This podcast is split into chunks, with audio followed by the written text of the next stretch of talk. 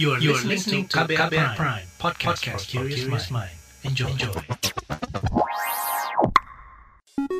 Saatnya Anda dengarkan Ruang Publik KBR yang dipersembahkan oleh Palang Merah Indonesia. Didukung oleh USAID dan IFRC. Halo, selamat pagi. Kembali lagi Anda mendengarkan Ruang Publik KBR bersama saya Rizal Wijaya. Dan untuk khusus hari ini, kita merupakan acara tapping ya yang dilakukan secara langsung dari kampus IAIN Kota Palopo. Senang sekali saya berada di Sulawesi Selatan pada hari ini dan acara ini merupakan persembahan dari Palang Merah Indonesia didukung oleh USAID dan juga IFRC tentunya. Tema kita hari ini adalah bagaimana peran remaja dan relawan untuk ikut mendorong kelengkapan vaksinasi COVID-19. Baik, sebelumnya saya akan menyapa terlebih dahulu kepada uh, semua audiens saya yang hari ini sudah hadir menyempatkan waktunya dari teman-teman mahasiswa, teman-teman relawan PMI dan juga teman-teman PMR. Selamat pagi semuanya, salam sehat. Tepuk tangannya mana?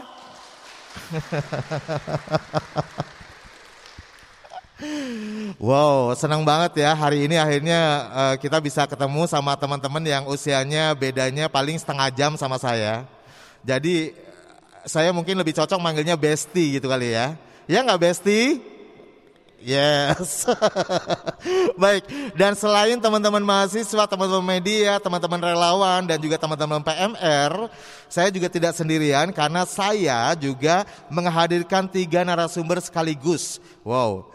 Yang pertama saya akan sapa terlebih dahulu yaitu Dr. Andes Haji Haidir Basir MM, Ketua PMI Palopo. Selamat pagi, salam sehat. Selamat pagi. Saya eh, kalau Bapak Haidir ini biasa akrab dipanggil Ayah Haidir gitu ya. Iya. Sama teman-teman relawan ya. Iya, iya, iya. Biar kelihatan akrab aja Pak kita Pak. Padahal baru kenal ya. Luar biasa. Baik, terima kasih sekali atas waktunya, atas kesempatannya, sudah mengganggu kesibukannya Kepala Dinkes Palopo, Bapak Taufik Askep NSMkes. Selamat pagi, salam sehat Bapak Taufik. Ya, selamat pagi. Salam sehat selalu ya Pak Taufik ya. Ya, sehat. Sehat. Maaf loh sudah mengganggu kesibukannya. Demi untuk masyarakat Palopo dan sekitarnya ya Pak ya. Ya. Siap. Baik, dan berikutnya ini uh, satu-satunya perempuan hebat ya yang ada di hadapan kita semuanya yaitu Mbak Monica Latui Hamalo selaku koordinator portfolio Global Health Security dari USAID Indonesia. Selamat pagi Mbak Monica. Selamat pagi Mas Rizal. Sehat. Sehat. Alhamdulillah. Tepuk tangannya dong. Baik, kalau berbicara tema kita hari ini, ini memang diakui atau tidak bahwa remaja itu merupakan agen perubahan ya. Dan uh, kalau ngomongin pandemi juga, tidak mungkin dong pemerintah itu bekerja sendiri untuk mengatasi pandemi dan juga dampaknya, tapi juga turut serta remaja menunjukkan eksistensinya saatnya aktualisasi diri untuk mendukung program pemerintah terkait vaksinasi COVID-19. Khususnya adalah vaksin dosis 3 atau booster. Saya sebelumnya mau nanya dulu nih. Yang di sini yang belum vaksin 1 2 ada? Coba angkat tangannya. Saya membutuhkan kejujuran kalian. Ada? Semua sudah vaksin ya, vaksin primer ya. Vaksin dosis 3 atau vaksin booster? Ada yang belum? Oke, baiklah. Agak-agak shock ya saya. Baik, baiklah. Ya, habis ini siap untuk vaksin booster ya? Siap dong. Saya penasaran. Yang pa belum pada vaksin booster ini kenapa? Nanti saya coba tanya-tanya deh. Karena kemarin nih saya perjalanan dari bandara ke tempat hotel saya ya menginap. Itu kebetulan saya ada driver disepirin sama salah satu uh, warga Toraja. Toraja kebetulan. Dan saya tanya, "Bapak sudah vaksin booster?" Belum. Alasannya kenapa, Pak? Karena takut efeknya. Efek sampingnya demam lah ini itu. Nah, ini banyak sekali informasi yang beredar di masyarakat. Tapi saya yakin nih buat teman-teman remaja terutama PMR ya, teman-teman eh, anak-anak muda nih semuanya pasti bisa menjelaskan kepada semua masyarakat sekitar informasi yang benar yang seperti apa. Tidak mudah termakan hoaks. Setuju? Setuju. Baik, langsung saja deh. Yang pertama saya akan ke eh, Bapak Taufik terlebih dahulu ya. Dari Dinas Kesehatan eh, Kota Palopo. Eh, Pak Taufik, mungkin sebelumnya eh, boleh diberikan gambaran bagaimana se- sebenarnya kondisi pandemi COVID-19 di Kota Palopo secara umum. Ya, baik eh, Mas Rizal. Jadi eh, perlu saya sampaikan kepada teman-teman yang hadir di kesempatan ini bahwa kita di Palopo sebagai informasi gambaran eh, pandemi COVID-19 itu eh, lama zero, lama zero. Nah, akhir-akhir ini eh, ini ada mulai muncul, ya Eh, data yang terbaru kita punya bahwa di Palopo ini eh, kasus aktif eh, hari ini ada dua, masih ada dua di rumah sakit Saweri Gading Kota Palopo itu kita isolasi. Jadi ini menandakan bahwa pandemi COVID-19 ini belum berakhir. Ya, mesti kita terus eh, waspada, meningkatkan kewaspadaan, terutama upaya pemerintah terkait dengan pelaksanaan vaksin. Ini harus terus-menerus kita tingkatkan. Ya, saya kira begitu, Pak. Baik. Nah, perlu perlu ditegaskan kembali kepada semuanya, terutama kepada masyarakat ya di seluruh Indonesia bukan hanya eh, untuk masyarakat Kota Palopo saja barangkali ya. Bahwa pandemi memang masih belum berakhir dan WHO sendiri juga belum mengumumkan bahwa pandemi belum berakhir ya. Memang mungkin agak terkendali. Buktinya jumlah konfirmasi positif hari ini dua ya, dua orang, dua orang positif COVID-19 di Kota Palopo dan menandakan bahwa ini eh, sudah ter- terkendali ya Pak ya. Baik, tapi bukan berarti terus kita abai. Makanya salah satunya kenapa kita harus selalu eh, memakai masker seperti yang kita gunakan pada hari ini di ruangan ini. Saya juga menggunakan masker siarannya meskipun agak-agak ngap ya. Tapi demi menjaga kesehatan tubuh kita dari pandemi Covid-19. Kemudian kita juga menjaga jarak, kemudian kita juga rajin mencuci tangan dengan sabun. Setuju nggak teman-teman? Setuju ya. Oke, baik. Jadi kalau terkait dengan gambaran bagaimana kondisi pandemi COVID-19, sekali lagi bahwa dari Dinkes Bapak Taufik sendiri mengatakan bahwa di Palopo sendiri COVID-19 itu masih ada, pandemi masih ada ya. Oke. Eh, kalau ke Ayah Haidir, nah dari PMI sendiri, ini PMI kan bersentuhan langsung dengan masyarakat ya. Mungkin bisa ditekankan lagi nih bahwa pandemi belum berakhir, makanya jangan abai, tetap prokes. Seperti apa nih? Ya, terima kasih. Assalamualaikum warahmatullahi wabarakatuh. Waalaikumsalam warahmatullahi wabarakatuh. Jadi PMI Kota Palopo tetap eh, komitmen dengan eh, seluruh upaya untuk mengatasi dampak dari COVID-19 ini. Dari awal munculnya COVID ini, anak-anak relawan kita ini sudah eh, siaga untuk membantu pemerintah dalam rangka bagaimana mengatasi atau membatasi masyarakat kita untuk tidak berseliweran di jalan dan alhamdulillah berkat kerjasama antara seluruh unsur di Kota Palopo ini eh, COVID-19 itu bisa kita atasi. Dan setelah itu ada muncul vaksin. Eh, di sini juga anak-anak PMI berpartisipasi dalam rangka ikut serta memberikan respon terhadap vaksinasi baik yang pertama, kemudian kedua, dan terakhir booster yang ter- ketiga. Eh, terbukti dengan adanya kerjasama dengan KNPI, HIPMI, kemudian dari kerjasama ini kita memfasilitasi dilaksanakan di eh, markas PMI eh, dengan menghadirkan seluruh unsur yang terkait dengan masalah kepemudaan. Alhamdulillah target kita bisa tercapai dengan baik karena rata-rata yang tervaksin waktu itu adalah anak-anak eh, muda, anak remaja yang notabene eh, usia muda.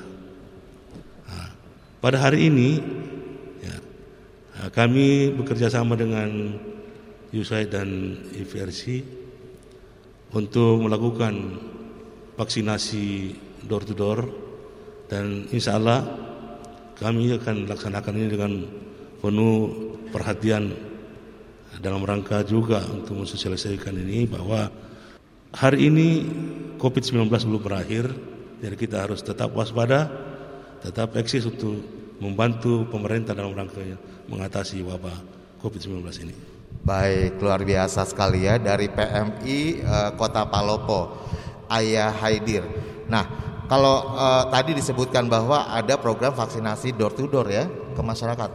Ini nanti boleh diberikan uh, gambarannya ya, teknisnya seperti apa, pergerakannya seperti apa sejauh ini, bagaimana dukungan dari pemerintah sejauh ini. Oke, baik sebelum ke situ saya akan ke Mbak Monica terlebih dahulu, Mbak Monica dari USAID. Uh, mungkin banyak yang penasaran sama Monica. Ini kenapa USAID kok concern nih dengan uh, program seperti ini terkait dengan uh, vaksinasi ya kan. Kemudian mungkin solusi upaya bersama menanggulangi dampak dari Covid-19 dan sebagainya. Ini mengapa concern dengan hal ini? Ya, makasih Mas Rizal. Jadi eh, pemerintah Amerika Serikat itu sudah bekerja bersama eh, pemerintah Indonesia berkolaborasi sudah lebih dari 70 tahun di dalam membangun eh, mendukung eh, uh, upaya pemerintah uh, membangun infrastruktur, sektor ekonomi, termasuk di dalamnya sistem kesehatan. Di dalam uh, kolaborasi ini, uh, secara khusus di sektor kesehatan, uh, kolaborasi ini uh, seperti yang tadi saya sampaikan sudah berlangsung cukup lama, uh, senilai lebih dari satu miliar dolar Amerika sampai dengan saat ini itu mencakup di antaranya uh, ada kesehatan ibu anak, pencegahan penanggulangan tuberkulosis, HIV, uh, sistem penguatan sistem kesehatan. Dan secara khusus untuk penanganan COVID-19 sejak Maret 2020 sejak awal uh, uh, adanya kasus di Indonesia, pemerintah Amerika Serikat melalui Badan Pembangunan Internasional Amerika Serikat atau USAID itu uh, bersama-sama uh, mendukung uh, berkolaborasi untuk uh, merespon terhadap uh, dampak dari COVID-19 termasuk uh, saat ini adalah dukungan terhadap vaksinasi sehingga bisa meningkatkan kekebalan dan uh, kita bisa melindungi uh, masyarakat Indonesia dari uh, penyakit menular ini. Oke, baik. Itulah mengapa USAID akhirnya ikut hadir juga ya. Ternyata sudah lama ya membangun sinergi ini dengan pemerintah, dengan PMI termasuk seperti acara pada uh, pagi hari ini ya luar biasa dan tentunya support ini dukungan ini eh, sangat berpengaruh positif terhadap khususnya isu pandemi ini ya. Baik nah ini kan berbagai lintas eh, sektor Pak Taufik ini dukungannya luar biasa ya kepada pemerintah. Nah kalau ngomongin soal dukungan itu yang banyak banget termasuk dari pemerintah eh, dari swasta dari stakeholder lain Nah kan ini remaja juga perlu untuk didorong ya kan peran sertanya. Seperti apa sebenarnya harapannya dari pemerintah sendiri dari Dinkes nih terhadap partisipasi masyarakat terutama para remaja ini. Jadi uh, dari berbagai mitra ya atau uh, yang diajak pemerintah kerjasama itu saya kira banyak banyak yang uh, selama ini uh, konsen bersama dengan pemerintah dalam uh, upaya pencegahan dan penanggulangan COVID-19. Di antaranya TNI Polri, kemudian swasta dan lain seperti yang disampaikan tadi. Nah, adik-adik remaja ini sebenarnya kita sangat butuhkan untuk uh, ikut serta uh, memberikan uh, kontribusi berpartisipasi karena uh, ketika anak remaja yang mengajak mungkin orang tuanya, adiknya, keluarganya itu dengan mudah untuk ikut uh, melaksanakan vaksin. Olehnya itu ya tentu melalui tempat ini ke depan uh, saya mengajak ke adik-adik remaja supaya ya ikut aktif dalam uh, bersama-sama dengan pemerintah mensosialisasikan tentang uh, pentingnya pelaksanaan uh, vaksin COVID-19 ini. Oke, jadi teman-teman sudah diajak secara resmi ya oleh Pak Kadinkes Palopo, siap nggak membantu pemerintah untuk program vaksinasi ini. Suaranya mana dong? Siap. Tepuk tangan untuk kita semua dong. Oke. Nanti kita akan lanjutkan, sementara kita harus break dulu, jeda iklan ya. Tetap di Ruang Publik KBR bersama saya Rizal Wijaya. Masih Anda dengarkan Ruang Publik KBR yang dipersembahkan oleh Palang Merah Indonesia, didukung oleh USAID dan IFRC.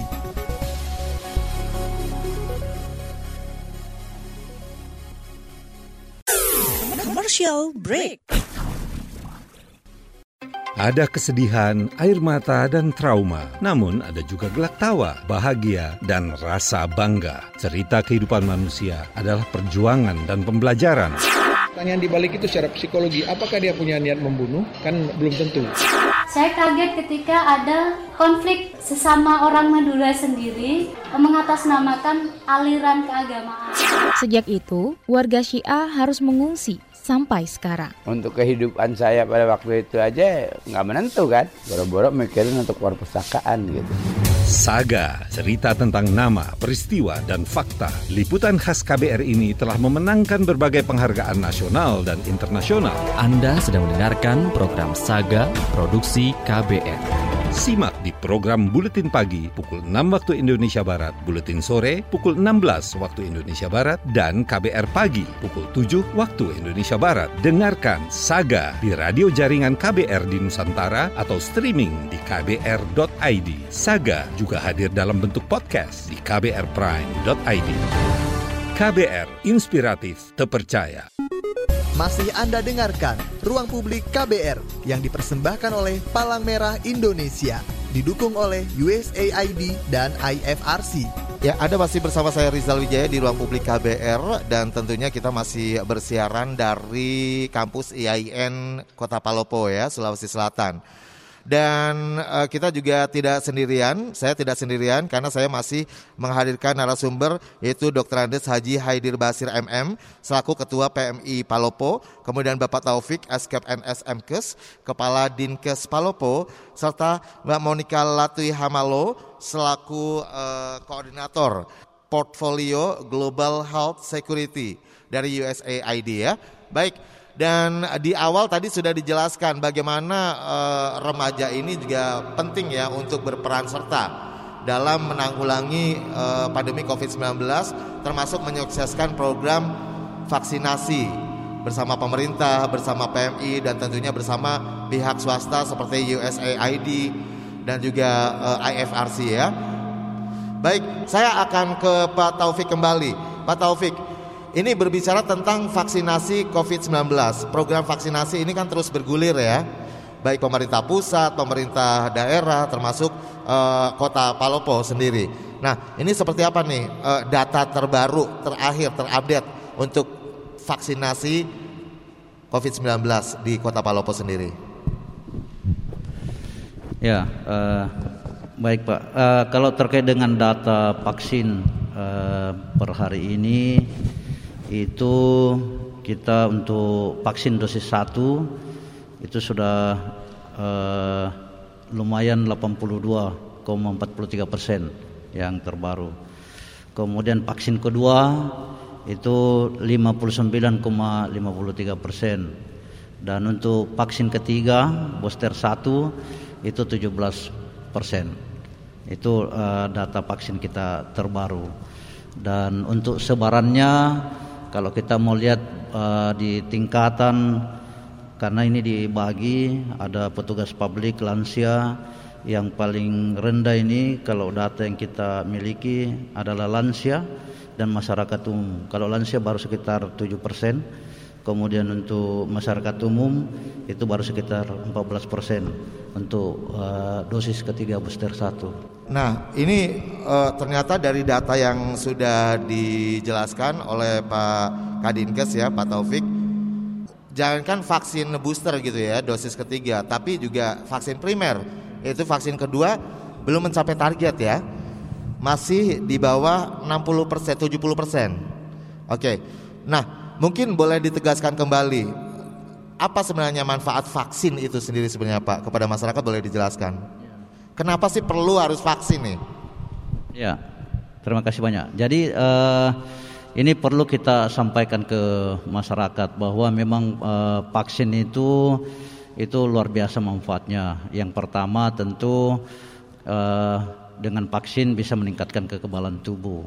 Jadi ketika kita divaksin, kemudian uh, kita terpapar dengan virus COVID-19 maka tentu tubuh sudah bisa uh, mengenali virus dan bisa uh, menangkal virus tersebut. Kemudian yang kedua tentu uh, paparan, paparan. Uh, ketika kita sudah divaksin, tentu uh, uh, menyebarkan ke orang lain atau uh, orang lain menyebarkan ke kita itu resikonya sudah uh, kecil. Olehnya itu dengan vaksin ini tentu uh, kita bisa terhindar dari uh, penyebaran uh, COVID-19. Baik, mengapa penting ya untuk tetap harus menerima vaksin COVID-19, baik vaksin primer maupun booster. Nah, kalau dari PMI sendiri, ini ternyata kan beberapa uh, apa namanya masyarakat, terutama lansia, kemudian uh, golongan remaja juga banyak yang belum divaksin ya, dari survei kecil-kecilan tadi. Nah ini kira-kira uh, upaya apa nih? Tadi kan ada katanya vaksin door to door nih. Lalu itu vaksinnya dari mana nih? Ketersediaan vaksinnya? Oke. Okay. Ya, terima kasih. Jadi sudah sekitar tiga mingguan adik-adik relawan kita ini turun langsung ke lapangan melaksanakan vaksinasi ya, secara door to door kerjasama dengan pemerintah kelurahan dan puskesmas yang ada di sekitar uh, daerah tersebut. Dan alhamdulillah respon masyarakat itu sebenarnya besar. Cuma ini karena persoalan kemarin. Gak ada yang takut-takut gitu ya Pak ya? Nggak ada lagi yang takut-takut karena oh. lebih awal dijelaskan oleh oh. petugas kesehatan kita dari puskesmas bahwa ini sebenarnya bagus untuk kesehatan kita ke depan. Cuma karena waktu itu akses yang begitu jauh ya karena waktu vaksin satu dua vaksin satu dua itu dilaksanakan secara sentralisasi sehingga mobilisasi orang itu harus dilakukan. Nah saat ini dengan melakukan vaksinasi secara door to door dan ini sangat efektif sebenarnya. Ya mungkin dari pihak, pihak Pemkot nantinya bisa menggunakan area-area relawan kita ini ya karena PMI tidak punya anggaran untuk pengadaan vaksinnya mungkin lewat pemerintah dan saat ini kami dapat bantuan dari USAID dan if, eh, untuk pelaksanaan vaksin ini. Nah, ke depannya kita harapkan lebih besar lagi dan yakin saja dengan kekuatan relawan kami yang kurang lebih seribu orang ini itu bisa menjangkau seluruh wilayah Kota Palopo, baik yang di pelosok-pelosok maupun yang ada di tengah kota. Ini untuk vaksin booster atau vaksin primer, Pak, yang uh, door to door ini? Untuk vaksin yang booster. Ya. Booster ya. ya. Baik. Nah, sekarang ke Mbak Monika nih, disebutkan bahwa dari PMI menerima bantuan berupa vaksin ya untuk program vaksinasi door to door ini dari PMI. Ini luar biasa loh programnya door to door loh. Effortnya tuh nggak nggak ringan ya, lumayan besar ini dan tenaganya juga mengarahkan mengarahkan berapa tenaga Pak kurang lebih? Ya kalau untuk saat ini ada beberapa kelurahan yang kita lakukan vaksin daerah pesisir di Pontap dan daerah pegunungan ada beberapa kelurahan di sana hmm. itu kita lakukan. Nah, kita menggunakan eh, ada-ada kita kurang lebih eh, 50 sampai 60 orang. Oke. Mbak Monika, berapa dosis yang disiapkan oleh USAID sejauh ini untuk program door to door ini bersama PMI?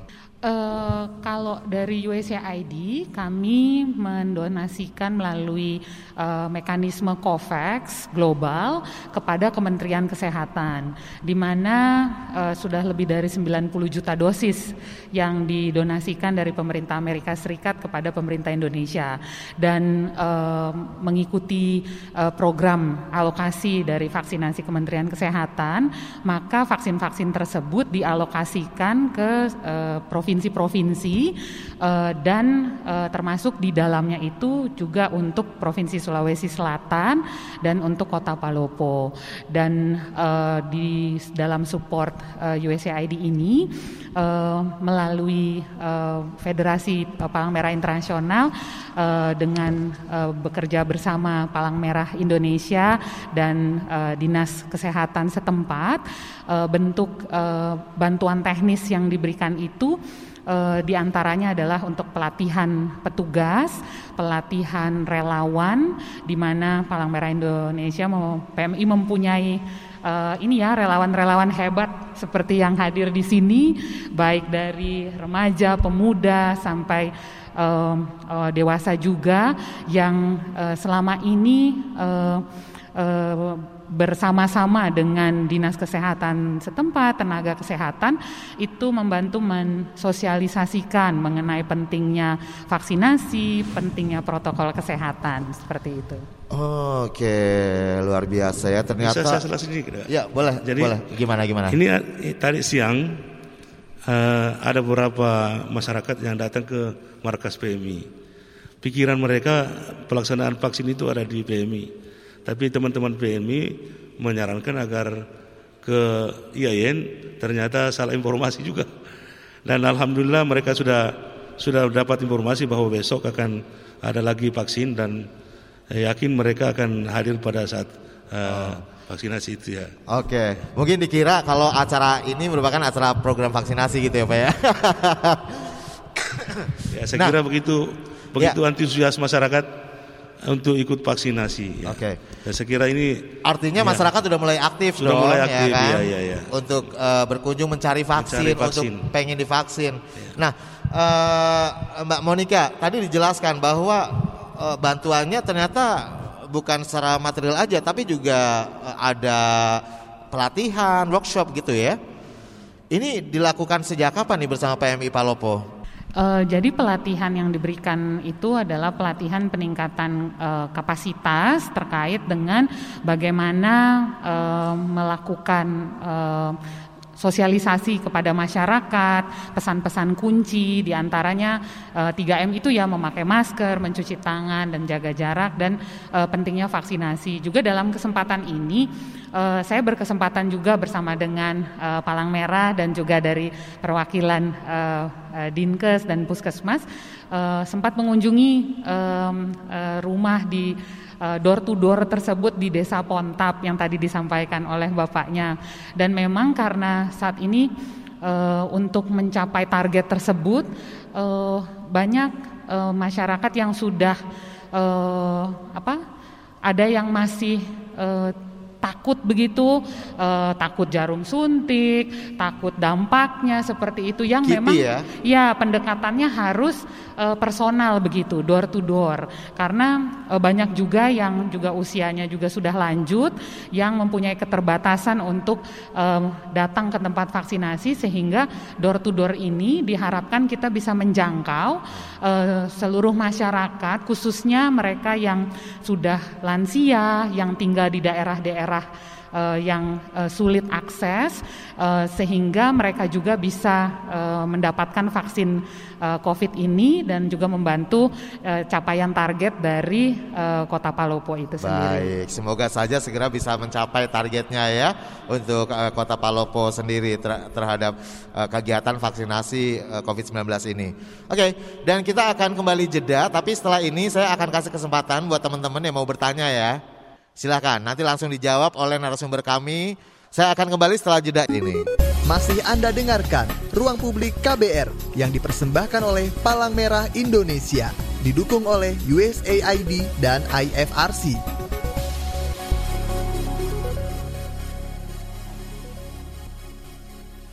Kita masih membahas tema bagaimana peran remaja dan relawan untuk ikut mendorong kelengkapan vaksinasi COVID-19. Tentunya saya tidak sendirian karena saya masih bersama dengan Dr. Andes Haji Haidir Basir MM, Ketua PMI Palopo, kemudian Bapak Taufik Escape NSM Kes, Kepala uh, Dinas Kesehatan Palopo, dan tentunya bersama Mbak Monica Latui Hamailo, uh, selaku Koordinator Portfolio Global Health Security dari USAID. Baik, dan sudah ada yang siap bertanya mungkin? Sebelumnya, perkenalkan nama saya Reynaldi Kolil Putra. Saya salah, salah satu anggota dari PMR PMI Unit SMK Negeri 4 Kota Palopo. Juga eh, selaku, selaku salah satu anggota dari Forpis Kota Palopo. Alamat di Buah. Pertanyaannya? Sebagian besar masyarakat sekitar terutama di kalangan remaja belum melakukan vaksinasi COVID-19 diakibatkan adanya kabar negatif dan hoax tentang efek samping vaksinasi COVID-19. Bagaimana langkah dan solusi kami sebagai PMR PMI untuk memberitahukan kepada masyarakat sekitar, terutama di kalangan remaja, tentang pentingnya vaksinasi COVID-19 baik itu primer maupun booster. Oke, sebentar. Sebelum ke narasumber, sebelum dijawab, kalau kamu sendiri apa yang udah kamu lakukan? Kalau misalnya ada yang nggak mau vaksin nih, aduh takut, katanya ini, katanya itu, ya kan? Apa yang udah pernah nggak kamu ada orang yang mungkin udah nggak mau divaksin terus alasannya macam-macam gitu? Iya pernah ada kak.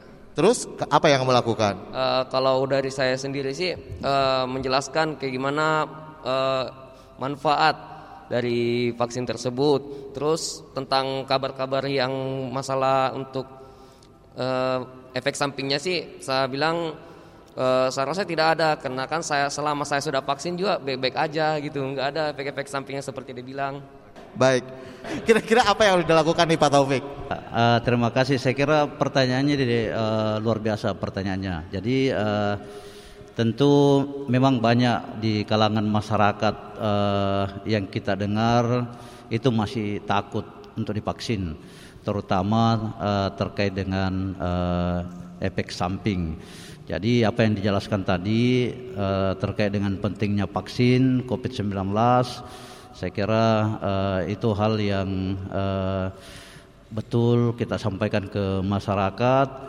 Kemudian terkait dengan efek samping seperti yang disampaikan tadi, memang uh, efek samping itu biasa terjadi, hal yang normal sebenarnya hal yang normal. Karena tentu namanya benda asing kalau disuntikan masuk ke dalam tubuh tentu ada reaksi reaksi dari tubuh. Tapi itu adalah reaksi yang uh, sebenarnya normal.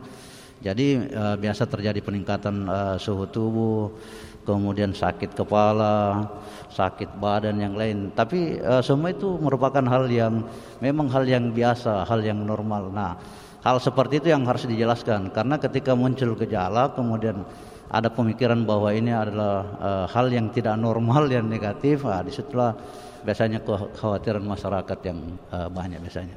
Oke, mungkin uh, kalau untuk menangkal berita-berita hoax itu ada nggak informasi yang mungkin disediakan dari Dinas Kesehatan uh, Kota Palopo, website atau sosmed yang membagikan informasi secara benar terkait dengan isu uh, vaksin COVID-19 ini? Bisa didapatkan di mana? Ya, jadi uh, kalau terkait dengan informasi terkait dengan vaksin itu uh, kita ada di puskesmas, juga di dinas kesehatan. Jadi kita siapkan uh, ada leaflet, ada brosur, kita bagi terkait dengan uh, pentingnya COVID itu sendiri dan efek-efek samping yang kemungkinan bisa saya terjadi. Yang jelas kalau zaman sekarang sih kayaknya banyak ya sumber informasi yang benar. Dengan mudahnya kita bisa mengakses. Tapi sekali lagi mesti yang verified kali ya. Betul ya. Kalau dari USAID mungkin ada tambahan, ada strategi mungkin khusus buat para remaja nih ketika menghadapi uh, orang lain yang tidak mau divaksin. Remaja harus juga menjadi agen perubahan. Dengan apa? Uh, edukasilah sekelilingmu. Uh, saat ini kan remaja ini sangat uh, ini ya dekat dengan sosial media, dengan digital uh, platform begitu ya postinglah informasi-informasi yang tepat. Bantu mereka yang uh, anti uh, atau ketakutan terhadap vaksin dengan memberikan informasi-informasi yang tepat. Di tingkat pusat eh, Kementerian Kesehatan juga mempunyai website eh, untuk eh, COVID-19 dan informasi vaksin. Juga ada juga di website eh, covid19.go.id di mana di situ ada informasi-informasi yang tepat. Teruslah memberitakan atau men-sharingkan informasi-informasi yang tepat. Vaksinasi eh, itu bisa menyelamatkan. Vaksinasi itu melindungi supaya semakin banyak yang memposting hal-hal positif, lama-lama yang menakut-nakuti itu akan eh, kalah juga dan lebih banyak informasi yang benar yang bisa terdistribusikan. Oke. Nah, aku mau nanya, di antara kalian ada nggak yang nggak punya Instagram atau TikTok? Semuanya pakai Instagram, TikTok kan? Mungkin yang kayak tadi aja buat testimoni bisa di videoin, diposting ke TikTok seperti itu kira-kira ya. Contoh simpelnya ya. Mungkin sambil TikTok kan sambil joget kan. Hai, buat kamu yang belum vaksin, bisa kan kayak gitu kan? Oke, Bapak mau TikTokan juga Pak? Oke, kalau dari PMI sendiri, seperti apa di pembekalan yang diberikan kepada PMR? PMR ini di bawah PMI juga kan ya? Oke, pembekalan apa nih yang sudah diberikan sejauh ini? Ya, jadi sejauh ini pembekalan yang diberikan pertama eh, secara pribadi mereka dulu memahami sesungguhnya apa yang mereka harus lakukan. Hmm. Ya, setelah itu mengketularkan kepada teman sekitarnya di sekolah. Ya, di di Palopo ini eh, PMR kita itu sudah ada di SMA 1, SMA 2, ada di SMA 4, asal SMA 5. Jadi sudah ada 8 SMA dan SMK yang ada PMR-nya. Nah, ini semua kita gunakan untuk dalam rangka uh, melaksanakan vaksinasi door to door. Ya, sehingga pengalaman, pengetahuan mereka tentang vaksinasi ini paling tidak mereka harus pahami betul pelaksanaannya dan bagaimana mengatasinya. Jadi jangan ada lagi yang belum terima vaksin booster ya. Sebelum ngajakin orang lain buat booster, nggak lucu dong kalau kitanya belum booster. Oke, ada pertanyaan lagi silakan. Bahwa perkenalkan nama saya Siti Nurlaila, kerap dipanggil Ceria. Eh, saya asal KSR Markas Palopo. Eh, pertanyaan saya, apakah boleh vaksin jika sedang mengkonsumsi obat-obatan, baik itu obatan dari dokter maupun yang haram atau alkohol yang eh, sedang marak sekarang ini? Ya, jika eh, jika sedang mengkonsumsinya tapi ingin bepergian, kan dilarang oleh dokter. Apa efek samping dari obat eh, vaksin itu? Mungkin gini ya, eh, saya ke siapa nih? Kalau pertanyaan ini untuk Pak Dinkes ya Pak Kadinkes. Pak Taufik, gimana nih jawabannya? Mungkin eh, kalau yang namanya orang divaksin itu kan memang pertama itu ketika mau divaksin kan kita ditanya ini riwayat adakah penyakitnya, kemudian dites kesehatannya juga. Ini memang harus jujur seperti itu ya jawabannya. Nah, jika ada yang tidak jujur, padahal dia lagi mengkonsumsi obat atau entah itu obat-obatan dokter, memang lagi pengobatan, tapi tetap nekat divaksin karena dia tidak jujur, ini apa dampaknya? Teman-teman sekalian yang saya hormati, tentu sebelum divaksin itu ada namanya screening.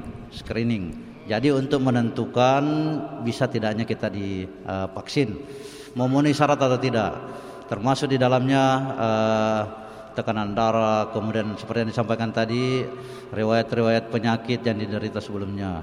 Nah, pertanyaannya tadi ya kalau seandainya ada pengkonsumsi misalnya tidak jujur, kemudian eh, pada saat eh, di screening ada pertanyaan kemudian tidak jujur dijawab dan ada resiko yang terjadi. Nah, ini eh, ini pernah terjadi. Kita pernah terjadi di Palopo ini ternyata eh, karena mereka butuhkan eh, sertifikat vaksin untuk kebutuhan mungkin penerbangan atau yang lain, sehingga itu divaksin. Nah, setelah divaksin dia eh, satu hari setelah divaksin dia eh, menggigil demam dan berkepanjangan masuk di rumah sakit sesak. Ternyata dia penderita asma.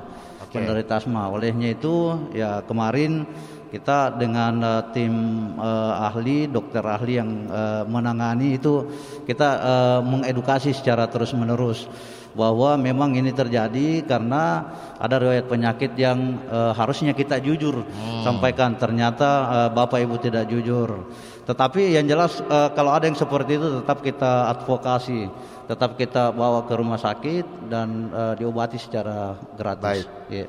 Jadi memang seperti kita ketahui ya, ketika mau vaksin itu memang harus jujur ketika screening ditanya apa ya jawabannya harus jujur dan setelahnya juga ada waktu ya eh, dikasih waktu setengah jam kurang lebih untuk mengecek apakah nanti ada uh, gejala atau indikasi apa kipi atau apa ya gitu kan ya Pak ya seperti itu ya jadi juga nggak main-main makanya kita juga nggak boleh main-main ya ketika ditanya harus jawab jujur oke okay?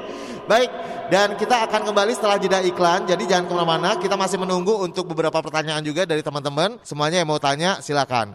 Saya akan kembali setelah jeda iklan berikut ini. Masih Anda dengarkan Ruang Publik KBR yang dipersembahkan oleh Palang Merah Indonesia. Didukung oleh USAID dan IFRC.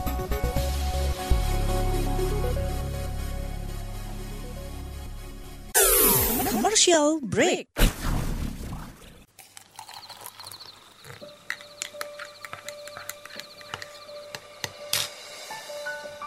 Hai, kamu apa kabar? Masih suka menikmati senja dan kopi? Aku masih ingat kebiasaan kita. Sehabis pulang kerja, selalu mencari tempat untuk sekedar ngobrol dan ngopi. Tapi kadang kita kehabisan bahan obrolan. Aku masih melakukan hal yang sama sampai sekarang tanpa harus takut habis bahan buat ngobrol karena aku selalu mendengarkan KBR sore dari Senin sampai Jumat jam 4 sore. Ah, aku rindu. KBR Inspiratif Terpercaya.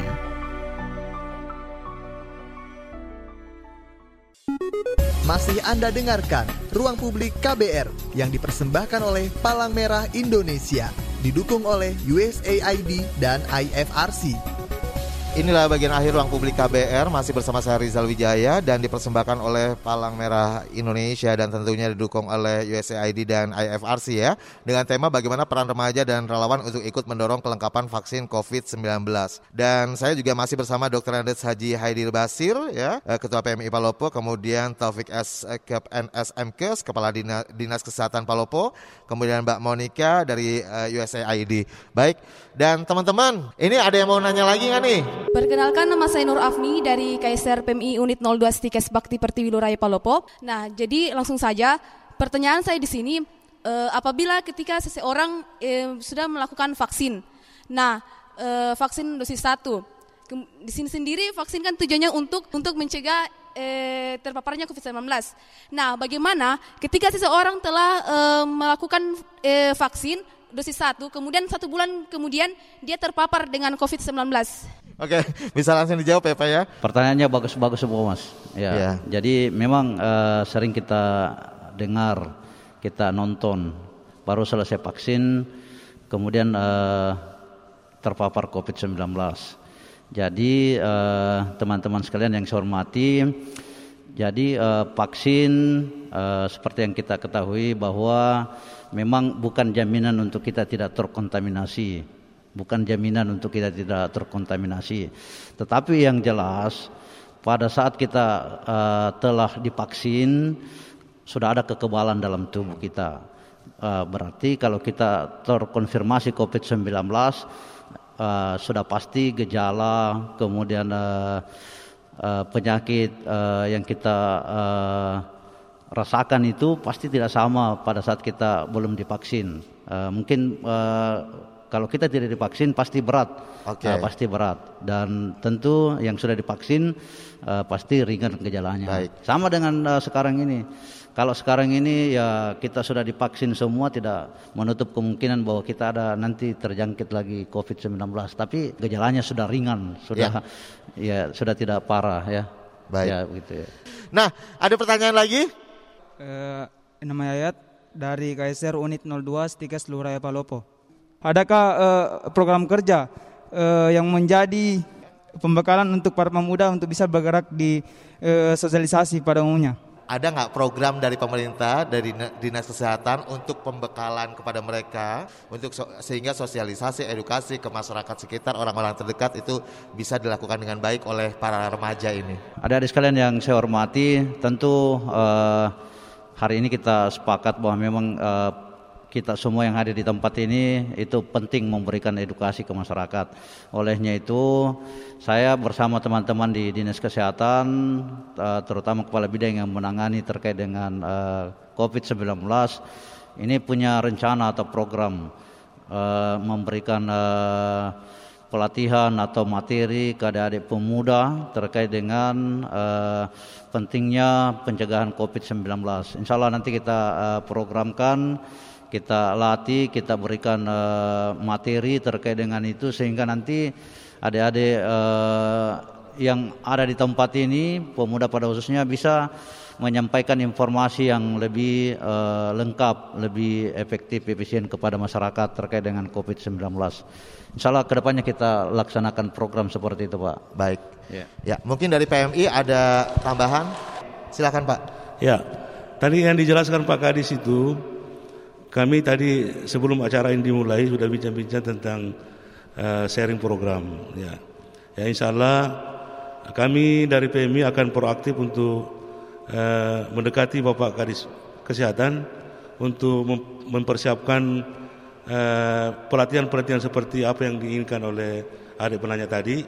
Dan Insya Allah ya mungkin dalam waktu dekat ini kami akan mempersiapkan itu Mumpung Pak Kadis ini sementara mempersiapkan anggaran APBD 2023. Yes. Ya kami akan menyiapkan materi-materi untuk pelatihan-pelatihannya dan saya kira kita akan kerjasama dengan baik. Salah. Seneng ya jadi PMI ya, didukung sana sini, dari pemerintah dukung, dari IFRC dukung, dari USAID dukung. Seneng deh jadi PMI Pak. Saya mau dong jadi PMI juga. Oke tepuk tangan dong buat kita semua. Ya, dan terima kasih yang sudah uh, mendengarkan melalui 100 radio jaringan KBR di seluruh Indonesia. Saya Rizal Wijaya harus segera pamit dari Ruang Publik KBR. Terima kasih, salam. Baru saja Anda dengarkan Ruang Publik KBR yang dipersembahkan oleh Palang Merah Indonesia, didukung oleh USAID dan IFRC.